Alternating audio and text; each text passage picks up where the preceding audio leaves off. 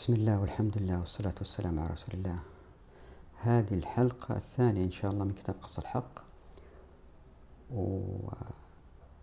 وأستميحكم أن الحلقة هذه نبغى نأخذ مثال فعلي نبتعد شوي عن التنظير لأنه بعض الزملاء قالوا لي يا ريتك تعطينا مثال ملموس. بنت إيش تقصد في كتاب قص الحق؟ فاخترت أتكلم عن موضوع إحياء الناس. لأنه ما في أمة عزيزة وأفرادها ميتين. الأمة العزيزة أفرادها أعزاء وأحياء. فاخترت موضوع إحياء الأرض لأنه بإحياء الأرض والإحياء ليس فقط إحياء الأرض أيضا في الشريعة إحياء المعادن الخامات إنشاء المصانع تحريك الاقتصاد والازدهار. وعملت tag في تويتر لكن ما انتشر اسمه إحياء الإحياء. لأنه بإحياء إحياء الأرض يحيوا الأفراد وتحيا الأمة. لكن مع الأسف ما انتشر هذا الهاشتاج السؤال هو لماذا تخلف المسلمون؟ ليش إحنا متخلفين؟ ليش أذلاء؟ كتبت الكثير من الدراسات وظهرت النظريات وضعت معظمها ولخصته في كتاب في في صفحة 78 إذا رجعتوا لكتاب قصة الحق تجدوه صفحة 78 تحت عنوان أسباب, أسباب التخلف فقط رؤوس أقلام. هذه النظريات أنا ما أوافق عليها معظمها لأنه أعتقد أنه التخلف هو بسبب عدم اتباع الشريعة وما اتبعنا الشريعة زي ما قلت في الحلقة الأولى أنه في آه، كثير من الفقهاء ركزوا على علاقة الإنسان بالإنسان والإنسان بربه ونسوا علاقة الإنسان بالدولة. قبل الستينات كانت معظم الأفكار تتكلم عن التخلف تعزو إلى الفقر. لذلك كانت الدول تستعمر الدول الأخرى عشان تهرب من الفقر. تريد المزيد من الموارد والخيرات. ف... وهذا منتشر أيضا بين كثير من الناس. يعني إذا سألت أي واحد تقول له ليش التخلف؟ يقول لك والله بسبب الفقر. والأمثلة واضحة. مثلا ليش الطالب ما يدرس بطريقة جيدة؟ يمكن لأنه المنهج ما هو مناسب له. ليش المنهج ما هو مناسب؟ لأنه اللي وضع المنهج إنسان ضعيف علميا. ليش هو ضعيف علميا؟ لأنه آه، ما عنده الحافز اللي يخليه يدرس دراسات أفضل وبالتالي هو ضعيف وضعيف لأنه جامعات ضعيفة والجامعات ضعيفة لأنه ما في كادر كويس وما في كادر كويس لأنه الرواتب ضعيفة والراتب ضعيفة لأنه دولة فقيرة. الناس يقولوا بسبب الجهل والمرض الناس ما يشتغلوا ما ينتجوا بالتالي الأمة ذليلة.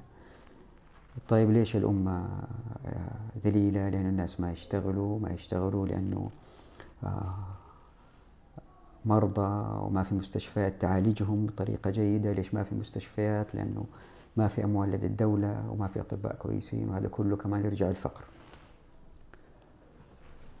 وهكذا. تجد الدائرة تروح وترجع للفقر. لكن آه، ظهر في الستينات كتاب لواحد اسمه شوماخر ألماني اسمه Small is Beautiful الصغير حلو يعني. وراح نتكلم عنه بعد شوية. غير في التفكير المنتشر هذا بين الناس إنه هو الفقر. لا ظهر طريق آخر.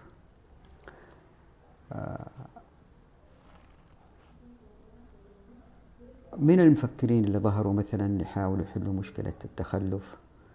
عمرو خالد مثلا آه، بيحث الناس على المبادرة زي زراعة الأسطح آه، زي حسن المعاملة زي عارفين الإعلاميين دول مثلا آه، مع احترامنا الشديد لهم. طارق سويدان اللي نوعا ما يجابه الدولة ونوعا ما يحاول يحث الناس على المبادرة. وليس مثل عمرو خالد. يعني فقط يركز على الناس. لا في مفكرين باحثين يواجهوا الجهتين الدولة والمجتمع. وفي فريق ثالث هو منتشر كمان جدا مع الأسف اللي هم يحاولوا يغيروا قيم الناس ودورات عن القيم والقيمة الإنسانية وكيف نحسنها. وكأنه اللوم يتجه للناس. لا أنا ما أعتقد هذا كله صحيح. وعلم التنمية أعتقد أيضا في الغرب وهذا موجود في فصل الفصل الوصل في كتاب قص الحق إذا حب أحد يقفز ويروح يشوفه.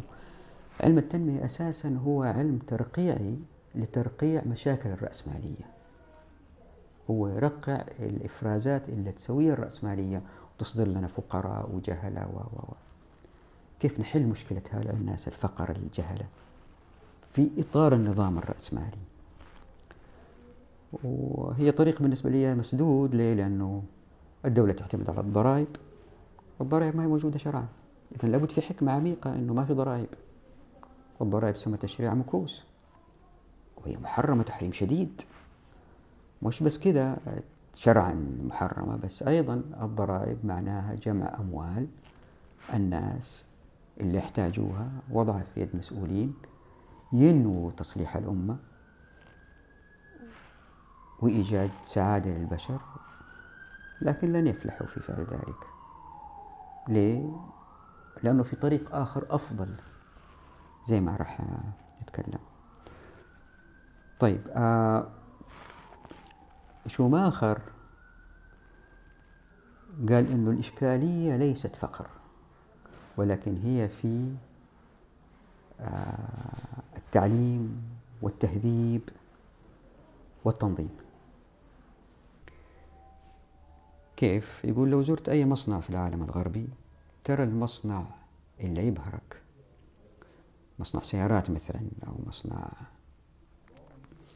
آه، ملابس أو اللي يكون.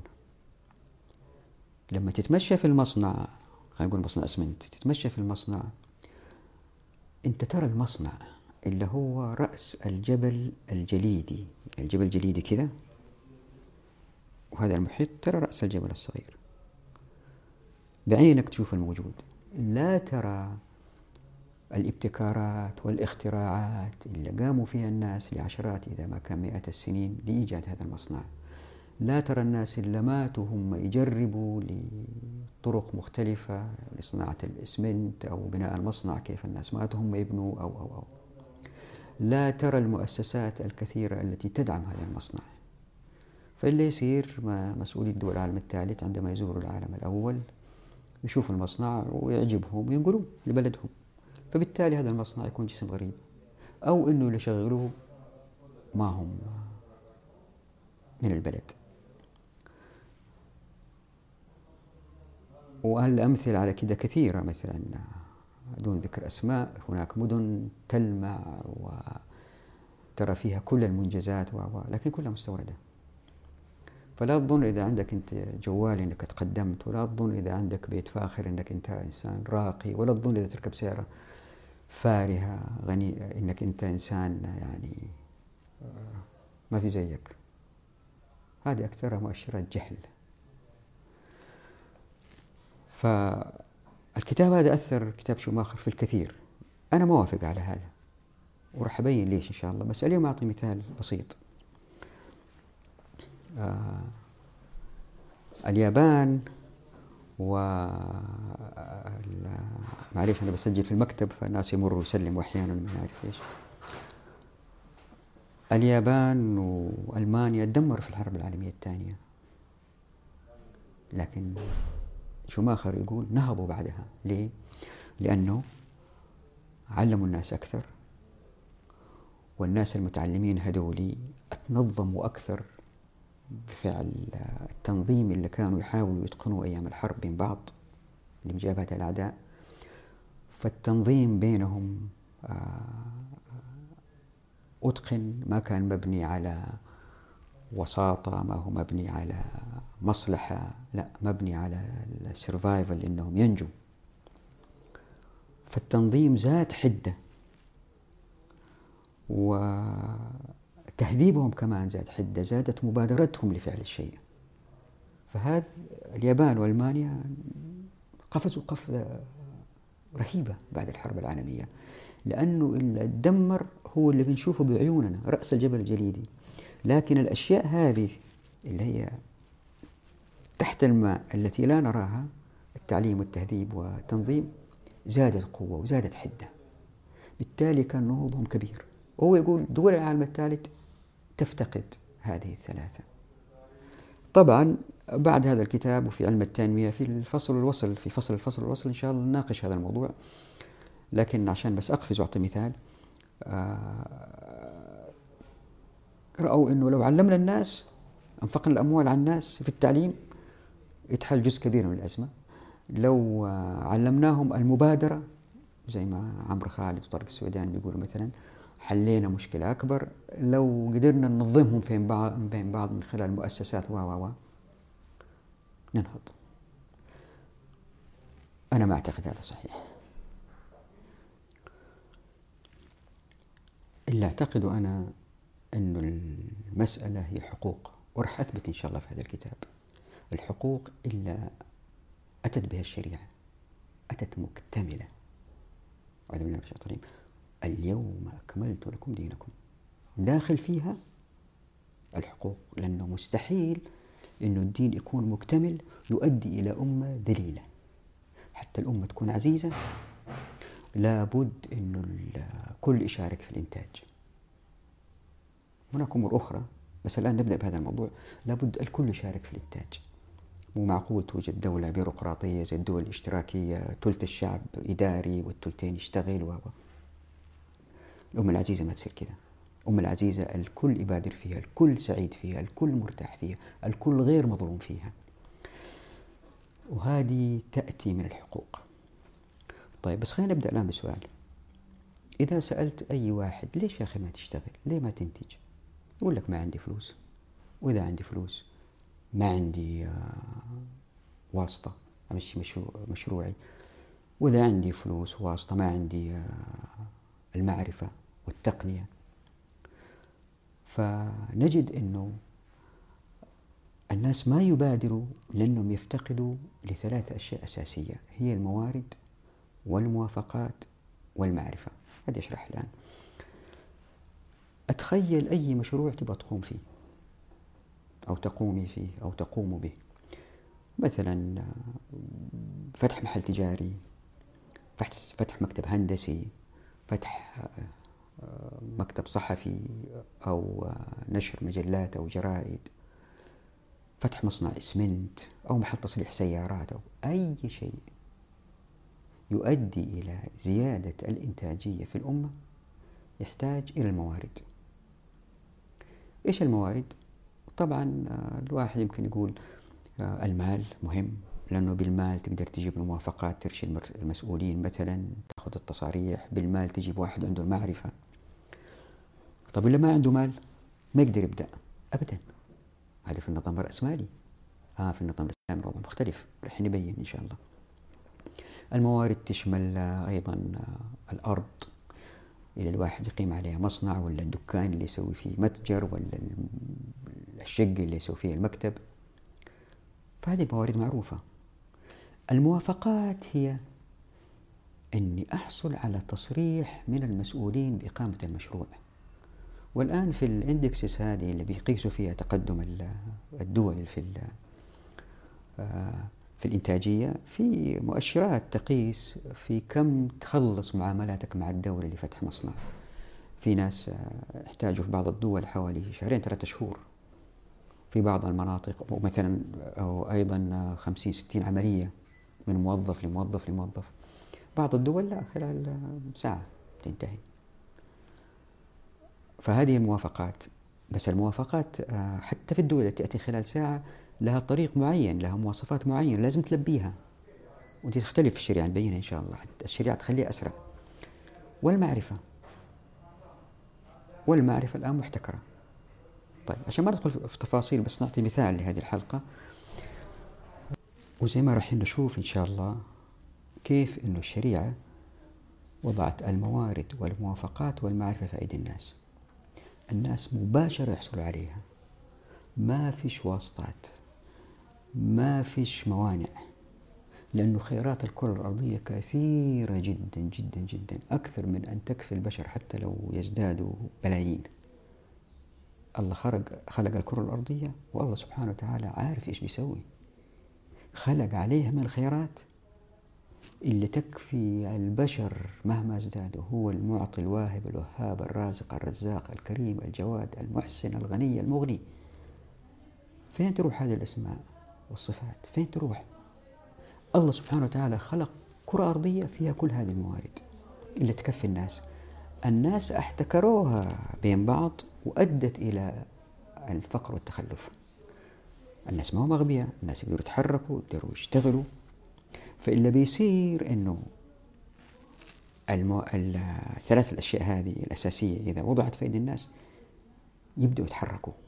بداية الحركة توجد خبرة وتتفاعل هذه الخبرة مع الآخرين اللي عندهم خبرات وشوي شوي شوي الأمة كلها تتحرك. المشكلة الأمة واقفة عن الحركة ميتة زي سيارة خربانة واقفة ما تقدر تتحرك. طبعا هو هذا موضوع كتاب قص الحق وأنا أقول كتاب قص الحق ما أقصد فيه كتاب جميل أكبر. آه، يا ريت ننتبه لهذه القضية. آه، يمكن في أول فيديو أخطأت قلت أهمية كتاب قص الحق. لا أهمية الشريعة من حيث الحقوق واللي وضعتها في كتاب قص الحق. وأنا ما وضعت كل شيء. هي إن شاء الله بداية وأنتم آخرين نكمل على الموضوع. فنقول قص الحق نقصد فيها الشريعة في موضوع الحقوق. وليس بالضرورة هذا الكتاب. طيب يا ريت ننتبه لهذه القضية. أهم شيء إذا الواحد يبغى يبدأ أي مشروع في الغالب يحتاج مكان. طبعا في استثناءات الأيام هذه في ناس يقدروا من بيوتهم أو من مكاتبهم يسووا business عن طريق الإنترنت أو اللي يكون. لكن معظم الناس على الأقل يحتاجوا مسكن يسكنوا فيه ما يقدروا يسكنوا في الإنترنت. ف physically يعني أجسادهم تحتاج مكان يعني مهما تطورت البشرية نحتاج مكان للناس يسكنوا فيه. إذا الشخص قدر يحصل على مكان ويسكن فيه بهمته بنشاطه هو تعلم شيء وصار لما يسكن إنسان عزيز بهذا الإنسان العزيز تعز الأمة. ليه؟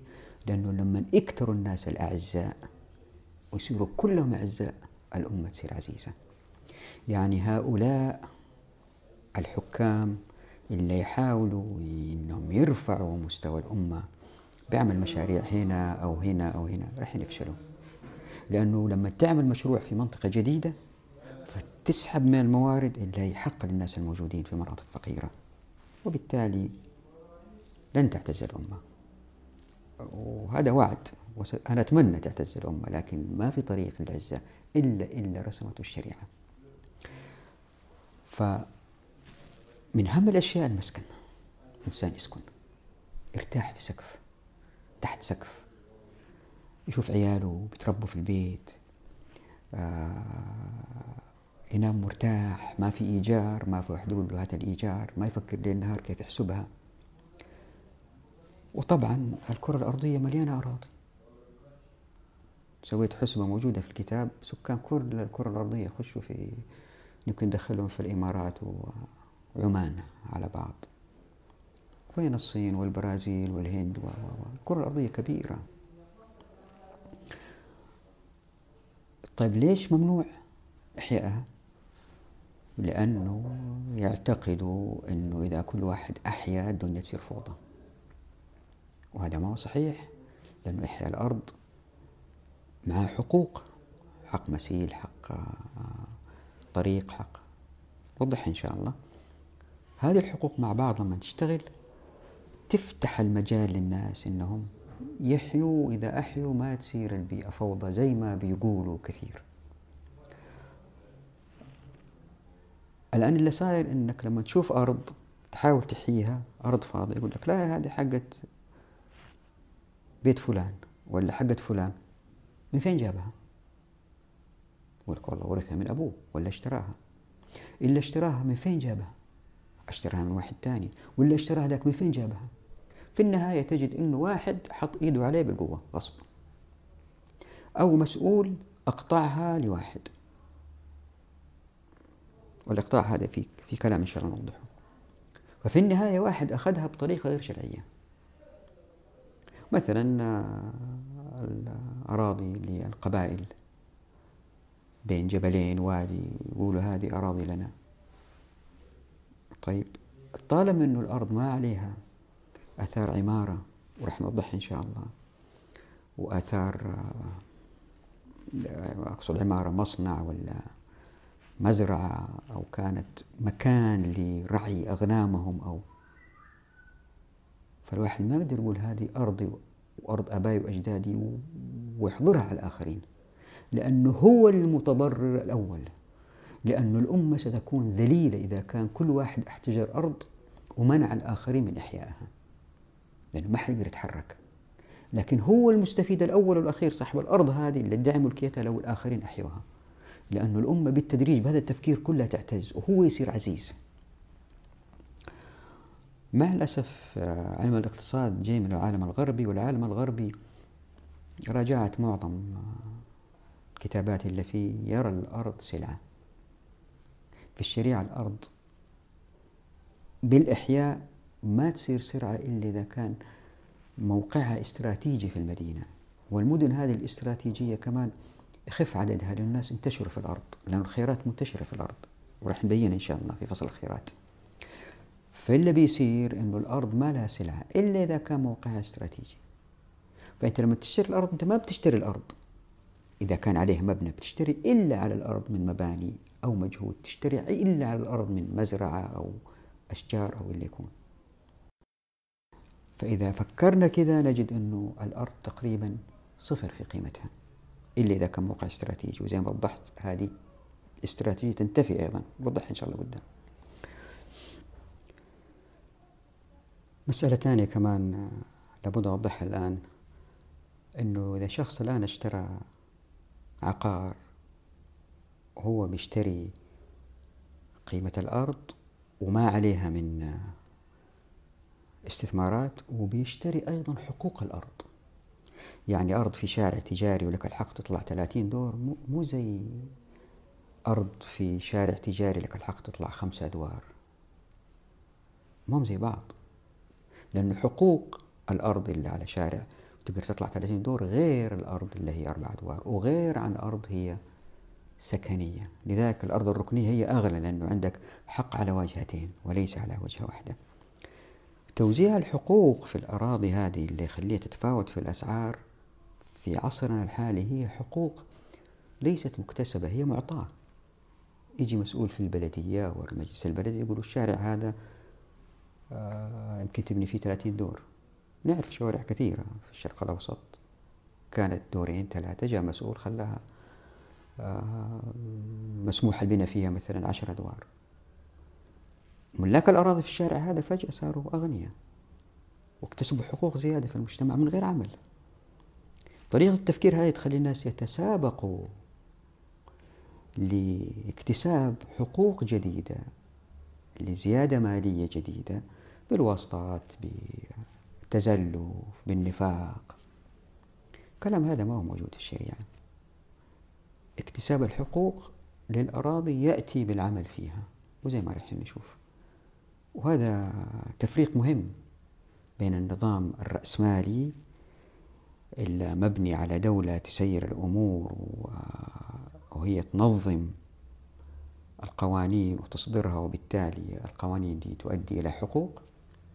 وبين الشريعة اللي الناس بعملهم يكتسبوا الحقوق. وهذا موضوع مهم بالنسبة للعبودية. في كتاب جدا رائع للشيخ ابن تيمية آه، اسمه العبودية. أقرأوه. العبودية إن كانت لله وحده تكون أخلص ما يكون. ومتى ما كان في قلب الإنسان حب لغير الله طبعا في آه، حب الأبناء والزوجة والأم والأب هذا حب آه، فطري طبيعي لكن في حب يغزو القلب من باب المصالح.